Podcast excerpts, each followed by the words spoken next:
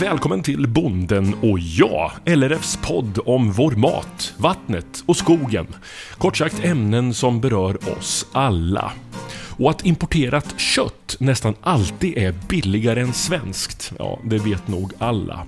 Men varför är det så? Och vad är det vi konsumenter betalar extra för när vi väljer det svenska köttet? Häng med till Jeanette Blackert som är grisuppfödare utanför Mjölby. En glad grisuppfödare. Jajamän, det är ju det roligaste jobbet som finns. Alltså är det det? Ja. Det är drömjobbet? Ja, men jag tycker det. Jag tycker om att jobba med naturen och jobba med djuren. eh, Så att, eh, ja, jag tycker det är roligt att gå till jobbet. Hur många grisar har du? Eh, Vi har 450 suggor i det här stallet som vi ser framför oss och eh, på gården finns det ungefär alltid t- 6000 grisar. 6000 grisar! Ifrån eh, nyfödd till eh, den största galten. Oj, hur många jobbar det här då? Eh, Vi har fem medarbetare på gården plus mig och min man då. Alltid något att göra?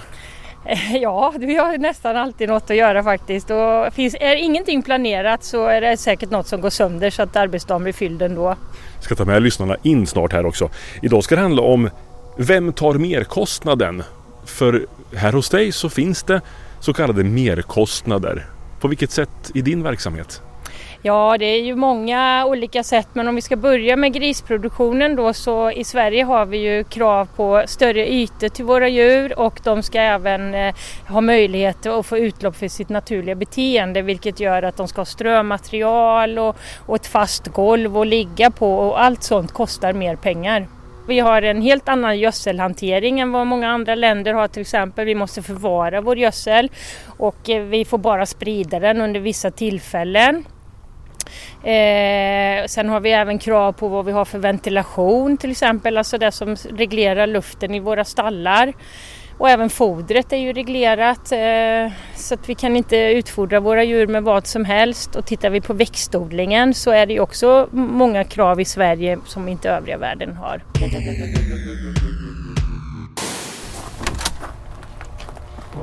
Då är det skor av. Skor av. Ja, det är inte bara att kliva in hos grisarna hur som helst. Nej, vi har ju ganska friska grisar i Sverige så därför så är det en saneringsritual här nu innan både du och jag får komma in till grisarna. Gud vad spännande. Jag vet inte om jag har sanerat mig någon gång i mitt liv tidigare. Nu hoppar vi över en bänk här.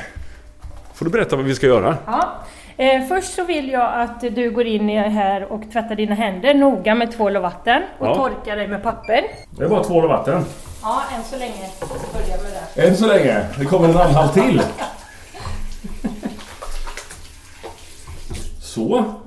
Och sen så ska du ha en overall. Mm. Är det någon speciell overall eller? Den behöver bara vara stor. Det behöver vara stor ja. Det spänner lite. Det är träligt när det sitter sådär. Varför är det viktigt att se ut så här när jag har en blå overall på mig? Nej men det är för att skydda djuren ifrån dina kläder och likadant skydda dig lite också för det är lite dammig miljö här inne då. Men eh, framförallt så är det att du, du ska vara ren, eh, hel och ren kan man säga. Och när vi går in här då så är det ju först salmonellaspärr, så du hoppar över en bänk och det är ju salmonella kan man ju få med sig via skor och så då. Så att skorna är av och sen här är det ju strumplästen. Sen när du kommer in så får du byta till gårdens skor när du går in till djuren. Men sen händerna, då är det framförallt eh, de hudbakterierna. MRSA har ju de flesta hört talas om och det är ju en multiresistent bakterie då, som vi kan bära på oss. Och även grisarna kan liksom vara bärare av den. Så det, det är framförallt det som, som vi sanerar oss emot nu då. Vad varmt det blir i overallen.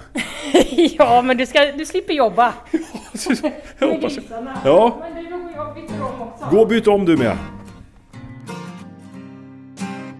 Och så lite fakta om grisar. Svenska grisar har större ytor att leva på här jämfört med andra länder.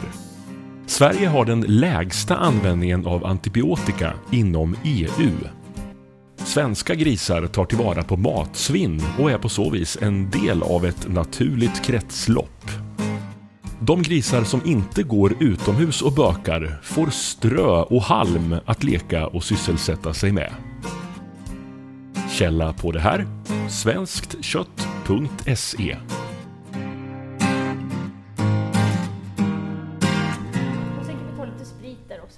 Godkänd. Godkänd, desinficerad, eller vad det heter. Ja. Se. Oh, vad stort det var. Vad kommer vi in i nu? Nu kommer vi in i vårat BB-stall då, eller suggstallet och vi har lite olika avdelningar. Eh, Jag tänkte att vi börjar ute i sinavdelningen, alltså den avdelningen där suggorna är innan, när de inte har några smågrisar hos sig. Det är liksom själva hjärtat, det är ju där all produktion sker ifrån början då. En lång, lång korridor. Väldigt stort ska jag säga. Tjenare! Ja, uff! Kommer vi och väckte den här nu tror du? Ja, visst hörde du henne lite i middagsluren men eh, det gjorde nog ingenting. De är rätt så sociala. Du ser, de kommer ju här nu. Ja, de gör ju det. Nu är det tre grisar på en jättestor yta. Alltså här ser det ut som att de har det bra. Ja, det här är eh, omlöpssuggor faktiskt. Så att, eh, vi har flyttat in deras eh, lägenhetskamrater in i BB nu för de ska grisa nästa vecka.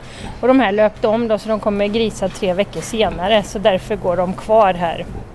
Så de undrar nog lite nu var alla kompisar har tagit vägen faktiskt. Ja, du, är grisar smarta? Ja, de är väldigt smarta och det är därför jag tycker det är så roligt att jobba med dem för att det- är smarta djur och eh, de lär sig bra saker fort men de lär sig dåliga saker väldigt fort också. Vad har du för exempel? Vad lär de sig? Ja, men till exempel här de lär sig att gå upp och äta och de, nu när vi flyttar in djuren som de gjorde i morse då in i BB så behöver vi bara öppna grinden så vet de här att ja men nu ska vi in och grisa så nu går vi in i våra enrummare. Och likadant när det är dags att avvänja smågrisarna så kommer vi bara på morgonen öppna dörren och så springer de därifrån för nu vet de att nu väntar friheten. De lär sig sånt. Ja men de, de, de lär sig väldigt fort och likadant eh, man kan ropa på dem och eh, de, har ju, de, de har ju nummer, de har ju inte individ, individuella namn. De enda som har individuella namn det är våra galtar så det kan vi ju gå och hälsa på. Bengt har vi här till exempel. Jaha, Bengt. Det är bara grabbarna som får namn alltså? Ja, det är lättare för då, det, vi har bara tre, eh, två killar är det nu för tiden, eller galtar då. Eh, så det är lite lättare. Suggorna har vi ju 450. Ja, just det. Det brukar vara svårt att hitta namn till sina barn. Inte stänga. Hej Bengt! Ska du komma? Här har vi Bengt alltså. Kom då! Ja, han är lite slö nu. Grisar är ju inte överförtjusta i värme. Säg att Bengt ser helt slut ut. Jag vet inte ens om... Ja, det rör sig lite på nosen där framme, men han ligger annars jäkligt still kan jag säga. En bit bort här. Ja, han ligger ute på spalten här för eh, som sagt grisar kan inte svettas så därför så tycker de ju att värme är lite jobbigt. Enda sättet att kyla sig är ju då att blöta ner sig med gödsel eller urin eller vad de nu hittar och lera om de är gyttiga om de går ute. Det är just för att svalka sig. Men du, om vi skulle prata lite mer kostnader nu då. Eh, Din produktion, jag antar att konkurrensen är från andra länder eller? Ja, framförallt konkurrensen är ju stenhård ifrån andra länder. Om vi tittar på Sverige då så är det ju Danmark, Tyskland och Holland som är våra största konkurrenter. De ser ju Sverige som en hemmamarknad. Vi är ju ett högkostnadsland också så här liksom är ju priserna över världsmarknadspriset oftast. Men våran produktionskostnad eh, ligger ungefär två kronor högre än deras. Så det gör ju då att ja, vi är ju pressade hela tiden och det är ju därför som den svenska produktionen har sedan EU-inträdet bara minskat och minskat och minskat för vi klarar inte konkurrensen. Men ändå har du ett jättestort företag som pysslar med grisar. Hur, hur gör du? Eh, Jag försöker vara bäst. Nej men så är det. Det, det. det är faktiskt lite allvar i det att eh, tyvärr är det ju så att det är för få som tjänar pengar men de som är bäst de tjänar ju alltid pengar oavsett vilken bransch man håller på med egentligen. Och det är väl därför som vi har försökt hålla oss i, i, liksom ibland de 10% bästa under hela tiden för att då, då tjänar man pengar. Men det kan ju inte ett land överleva på utan även en medelmåtta måste tjäna pengar. Det är det som är det stora problemet i Sverige. Men det här med att vara bäst då. Hur, hur är man bäst? Hur mäts det? Om vi tittar på grisar så är det, tittar man på smågrisproduktionen så är det att ha så många smågrisar per sugga som möjligt. Eh, för man har ju samma kostnader. Stallet står där det står, medarbetarna, den kostnaden har man. Eh, och fodret ökar ju lite grann men det är ju mar marginellt. Då. Så, så många grisar som möjligt och om vi då tittar på uppfödningsgrisarna då, de som blir mat istället som går till slakt, så ska de växa så fort som möjligt och äta så lite foder som möjligt. Och det är även klimatsmart. Tittar man eh, ur hållbarhetssynpunkt så är de parametrarna också viktigast. Men ändå, vad är det som gör att konsumenten då väljer dig och dina grisar? Vet man om det här ute i matdisken eller? Det är ändå de som bestämmer, eller hur? Som betalar? Ja, vi kan väl säga så här att medvetenheten hos konsumenterna har ju ökat faktiskt sedan 2014 när det var parlament, EU-parlamentsval. Då började man diskutera antibiotikaanvändning och man började diskutera eh, djuromsorgen. För svenska grisar har sin svans kvar och det är nästan alla andra i hela världen klipper man av svansen just för att grisarna mår så dåligt, har så tråkig miljö och dålig miljö så att de börjar äta på varandra. Men i Sverige så har de knorrarna kvar och det gjorde då att eh, många konsumenter istället började välja att köpa svenskt kött. Så när de går till affären då köper, vill man köpa svenskt kött. Men däremot när man går och äter dagens lunch där är problemet fortfarande idag för att där orkar man inte tänka på att det är svenskt kött. Och de restauranger och storhushåll och även den offentliga serveringen köper tyvärr alldeles för lite svenskt. Alltså vi konsumenter, vi är noga med det vi köper hem till vårt eget kök och tillagar men går vi ut och äter eller sådär så tänker vi inte lika mycket på det. Nej, jag, jag, kan, jag tror att man orkar inte och det blir lite krångligt och man kanske känner sig lite besvärlig och ja, det finns nog många anledningar till eh, att man inte bryr sig om det. Jag tror att alla vill eh, ha, köpa svenskt. Alla vill, eller jag ska inte köpa svenskt, men alla vill köpa hållbart. Men när, det går till, när man står där i affären och kanske bara har 200 kronor att handla mat för, då måste man ju tänka efter vad man köper. Så tyvärr så är ju nog det verkligheten hos många, att man har faktiskt inte råd att betala för hållbarheten. Fastän man vill och man har ambitionen. Hur tänker du där då? Hur ska man möta den utmaningen? Ja, jag vet. Jag tycker det är jättesvårt och, och, hur man ska hantera det. Men på något vis så måste ju samhället ta ansvar. Nu blir det här en jättestor fråga om vi ska prata hållbarhet. För att ska klimat, alltså jorden överleva så måste vi ta ett gemensamt ansvar. Eh, och sen hur man ska göra det, det är ju upp till liksom de ja, politiker och beslutsfattare. Men man måste bestämma sig, ska jorden överleva eller inte? Och inte lägga det ansvaret på den enskilde konsumenten. Vad är det som gör att ditt kött Jeanette är dyrare än det, ja, men det som är billigare? Jag behöver inte berätta var det kommer ifrån utan det, det billigare köttet. Varför är du dyrare? Ja, men dels har vi pratat om de fasta kostnaderna som vi har. Då. Större byggnader, mer medarbetare, mer arbete. Eh, men sen så är det ju så att vi får inte använda antibiotika i lika stor anst äh, an vad heter det? Lika utsträckning, utsträckning som i många andra länder och i vissa länder då går vi utanför Europa så är det mycket hormoner. Alltså man driver djuren med hormoner för att de ska växa snabbare och äta mindre. Eh, och sen tittar vi på våran växtodling där vi producerar liksom maten till grisarna så är det likadant där att vi får inte använda alla växtskyddsmedel som man gör i andra länder. Vi får inte använda gödsel och sen eh, fördyr, har vi fördyrade kostnader också just att vi ligger så långt ifrån marknaden där mycket produceras. Är det värt det tycker du? När du tittar på hur konkurrensen ser ut och villkoren? Jag skulle ju inte kunna tänka mig att jobba i ett stall där grisarna går på helspalt och svansarna är kuperade och så där. Men det, det, jag, jag vill ju se att mina grisar är lyckliga grisar den stunden som jag har dem i, i livet.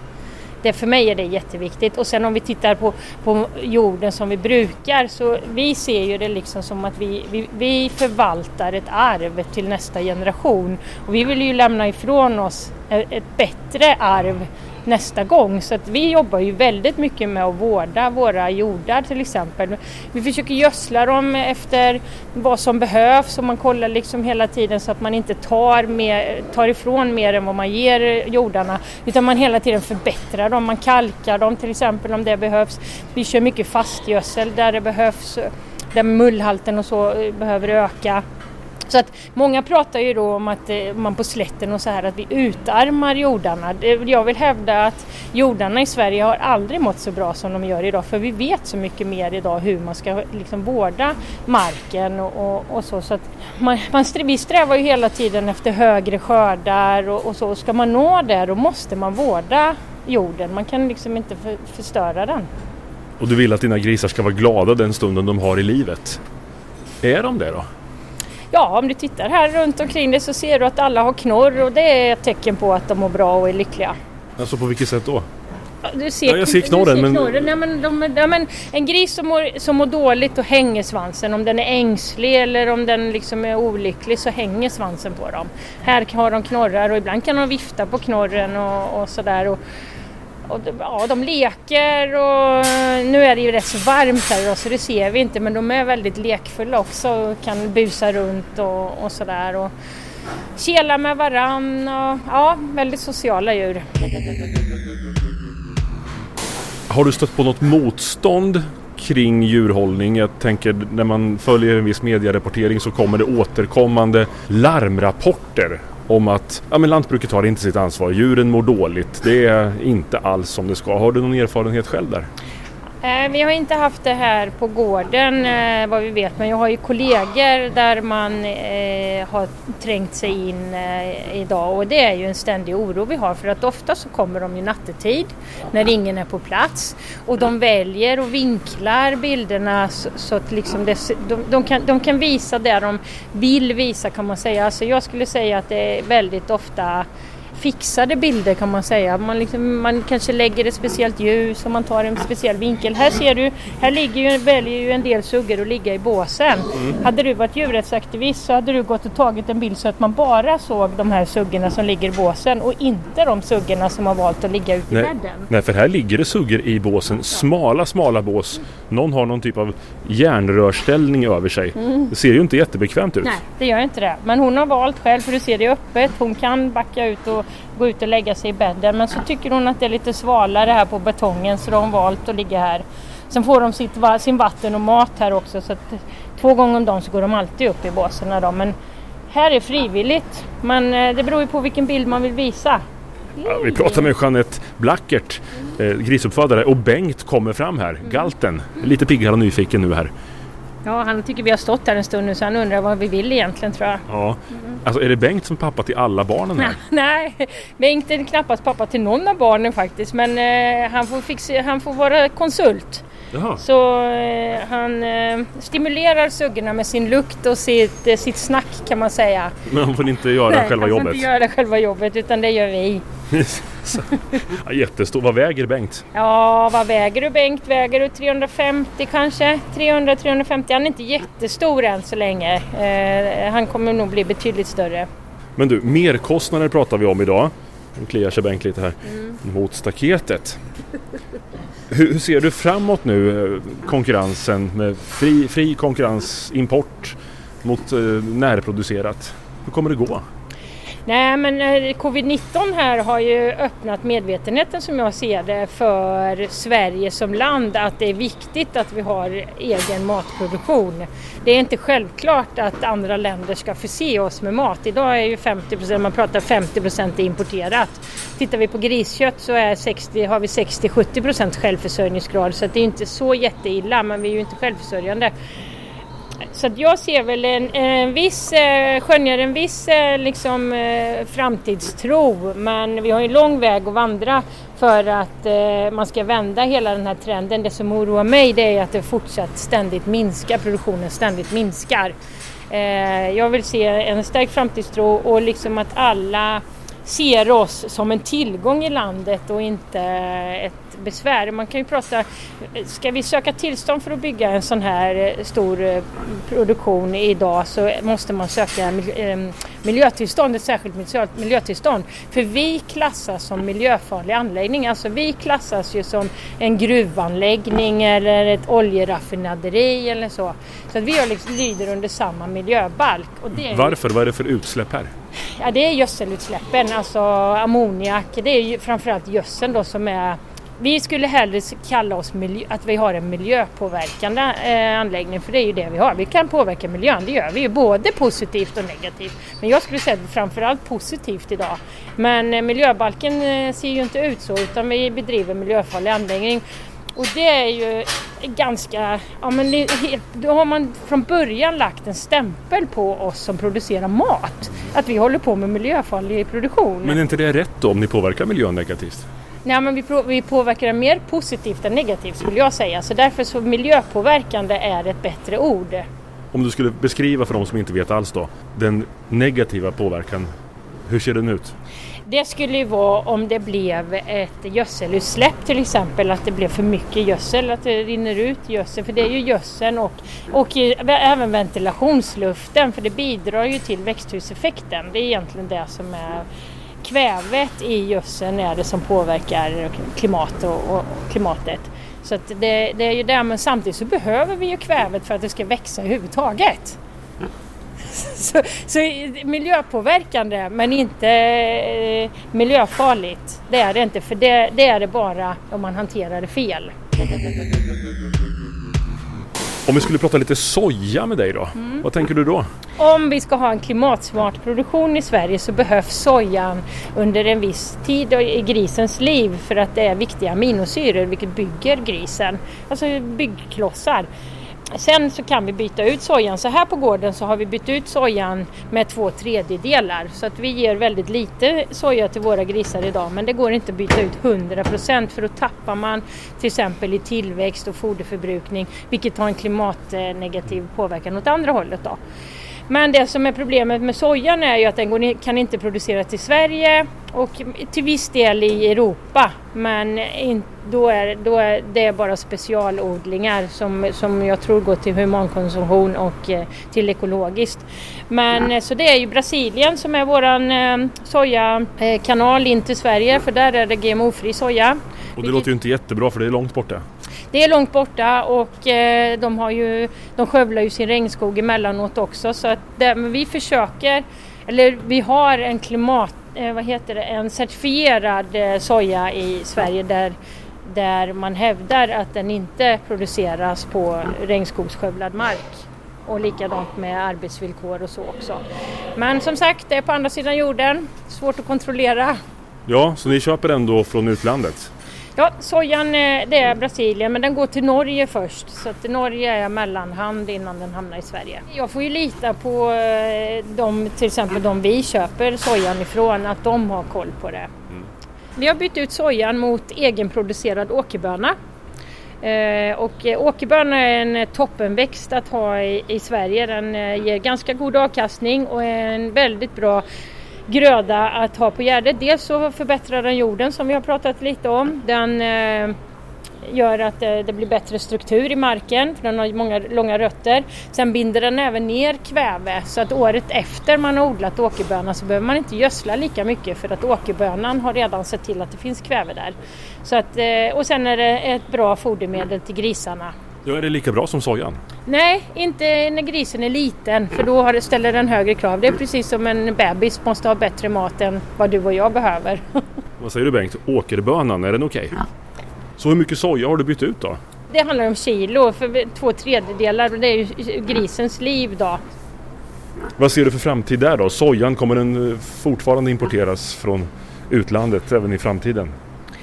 Eh, kanske. Vi, det görs ju försök i Sverige på att odla soja och, och med eh, i växtförädlingen som finns idag så kanske det finns möjlighet att få fram en soja som, som kan odlas inom våra breddgrader. Sen är det ju så att klimatförändringarna gör ju att det även blir varmare i Sverige och vi får en längre växtperiod för det är det sojan behöver. Eh, så att, eller att det kommer fram andra alternativ till soja. Eh, man provodlar ju lupin till exempel men det är likadant där att det är lite för låg avkastning eh, tyvärr.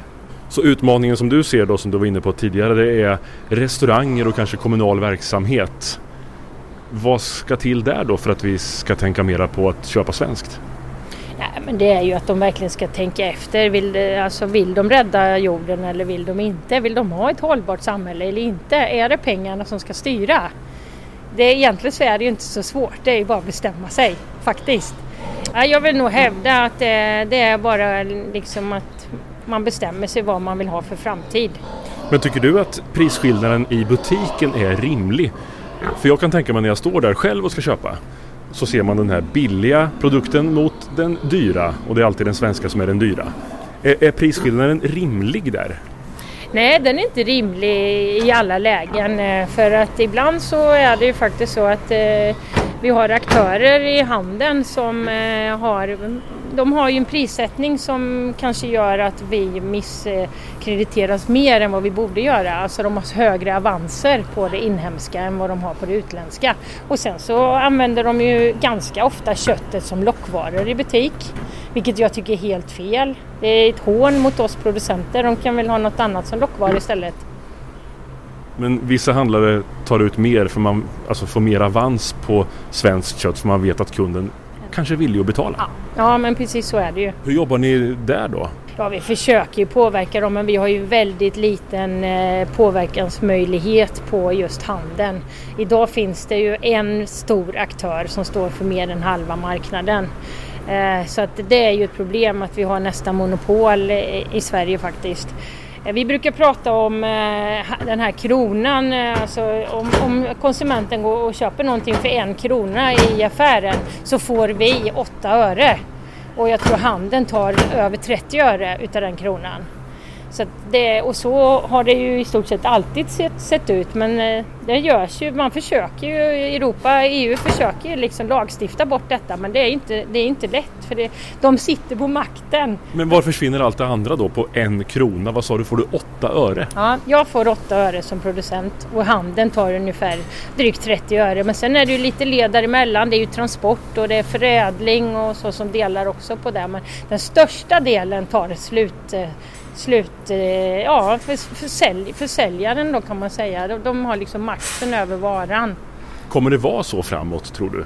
Nu poppar det upp rekoringar och alla möjliga sådana försäljningssätt. Ja det gör det och de växer ju. Vi har ju faktiskt sålt lite julskinka via Reko och det har ju ökat explosionsartat. Men det, vi producerar 200 grisar i veckan här. Det är väldigt svårt att sälja dem på rekoringen. Mm. så det är ju det är lite logistikproblem där kan man säga. Och sen är det ju så att i, idag vi äter ju inte mycket utav grisen direkt som konsument. Ganska mycket blir korv eh, och sen mycket annat. I, en del går i biogas, en del går till export, till exempel öron och svansar och fötter. Idag går ju mycket till Asien för det tycker de är mums-mums. Medan vi vill ju äta kotletten och skinkan till jul. Och... Men är det bra då att skicka iväg fötter och sånt till Asien, alltså miljömässigt sett? Ja, det kan man ju diskutera om det är, men eh, vi får väldigt bra betalt för det. Men, vi, men vill vi ha ett hållbart samhälle då? Hållbar miljö? Ja, då får vi väl börja lära oss att äta fötter och knorrar igen då. Nej, men det kan man väl diskutera, men samtidigt så är det ju 99,9 procent av en gris används. Det är nästan ingenting som går till spillo. Och det är ju viktigt om man tänker hållbarhet, att man inte slänger någonting. Utan det blir, en del går till medicinframställning, en del går ju till godisframställning. Det som inte bara blir kött då. Men, och sen eh, vissa saker som inte går att göra någonting med, det blir biogas.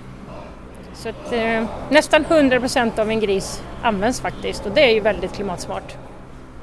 Du svettas ingenting, jag är genomsvettig. Ja, ja du har för mycket kläder på dig.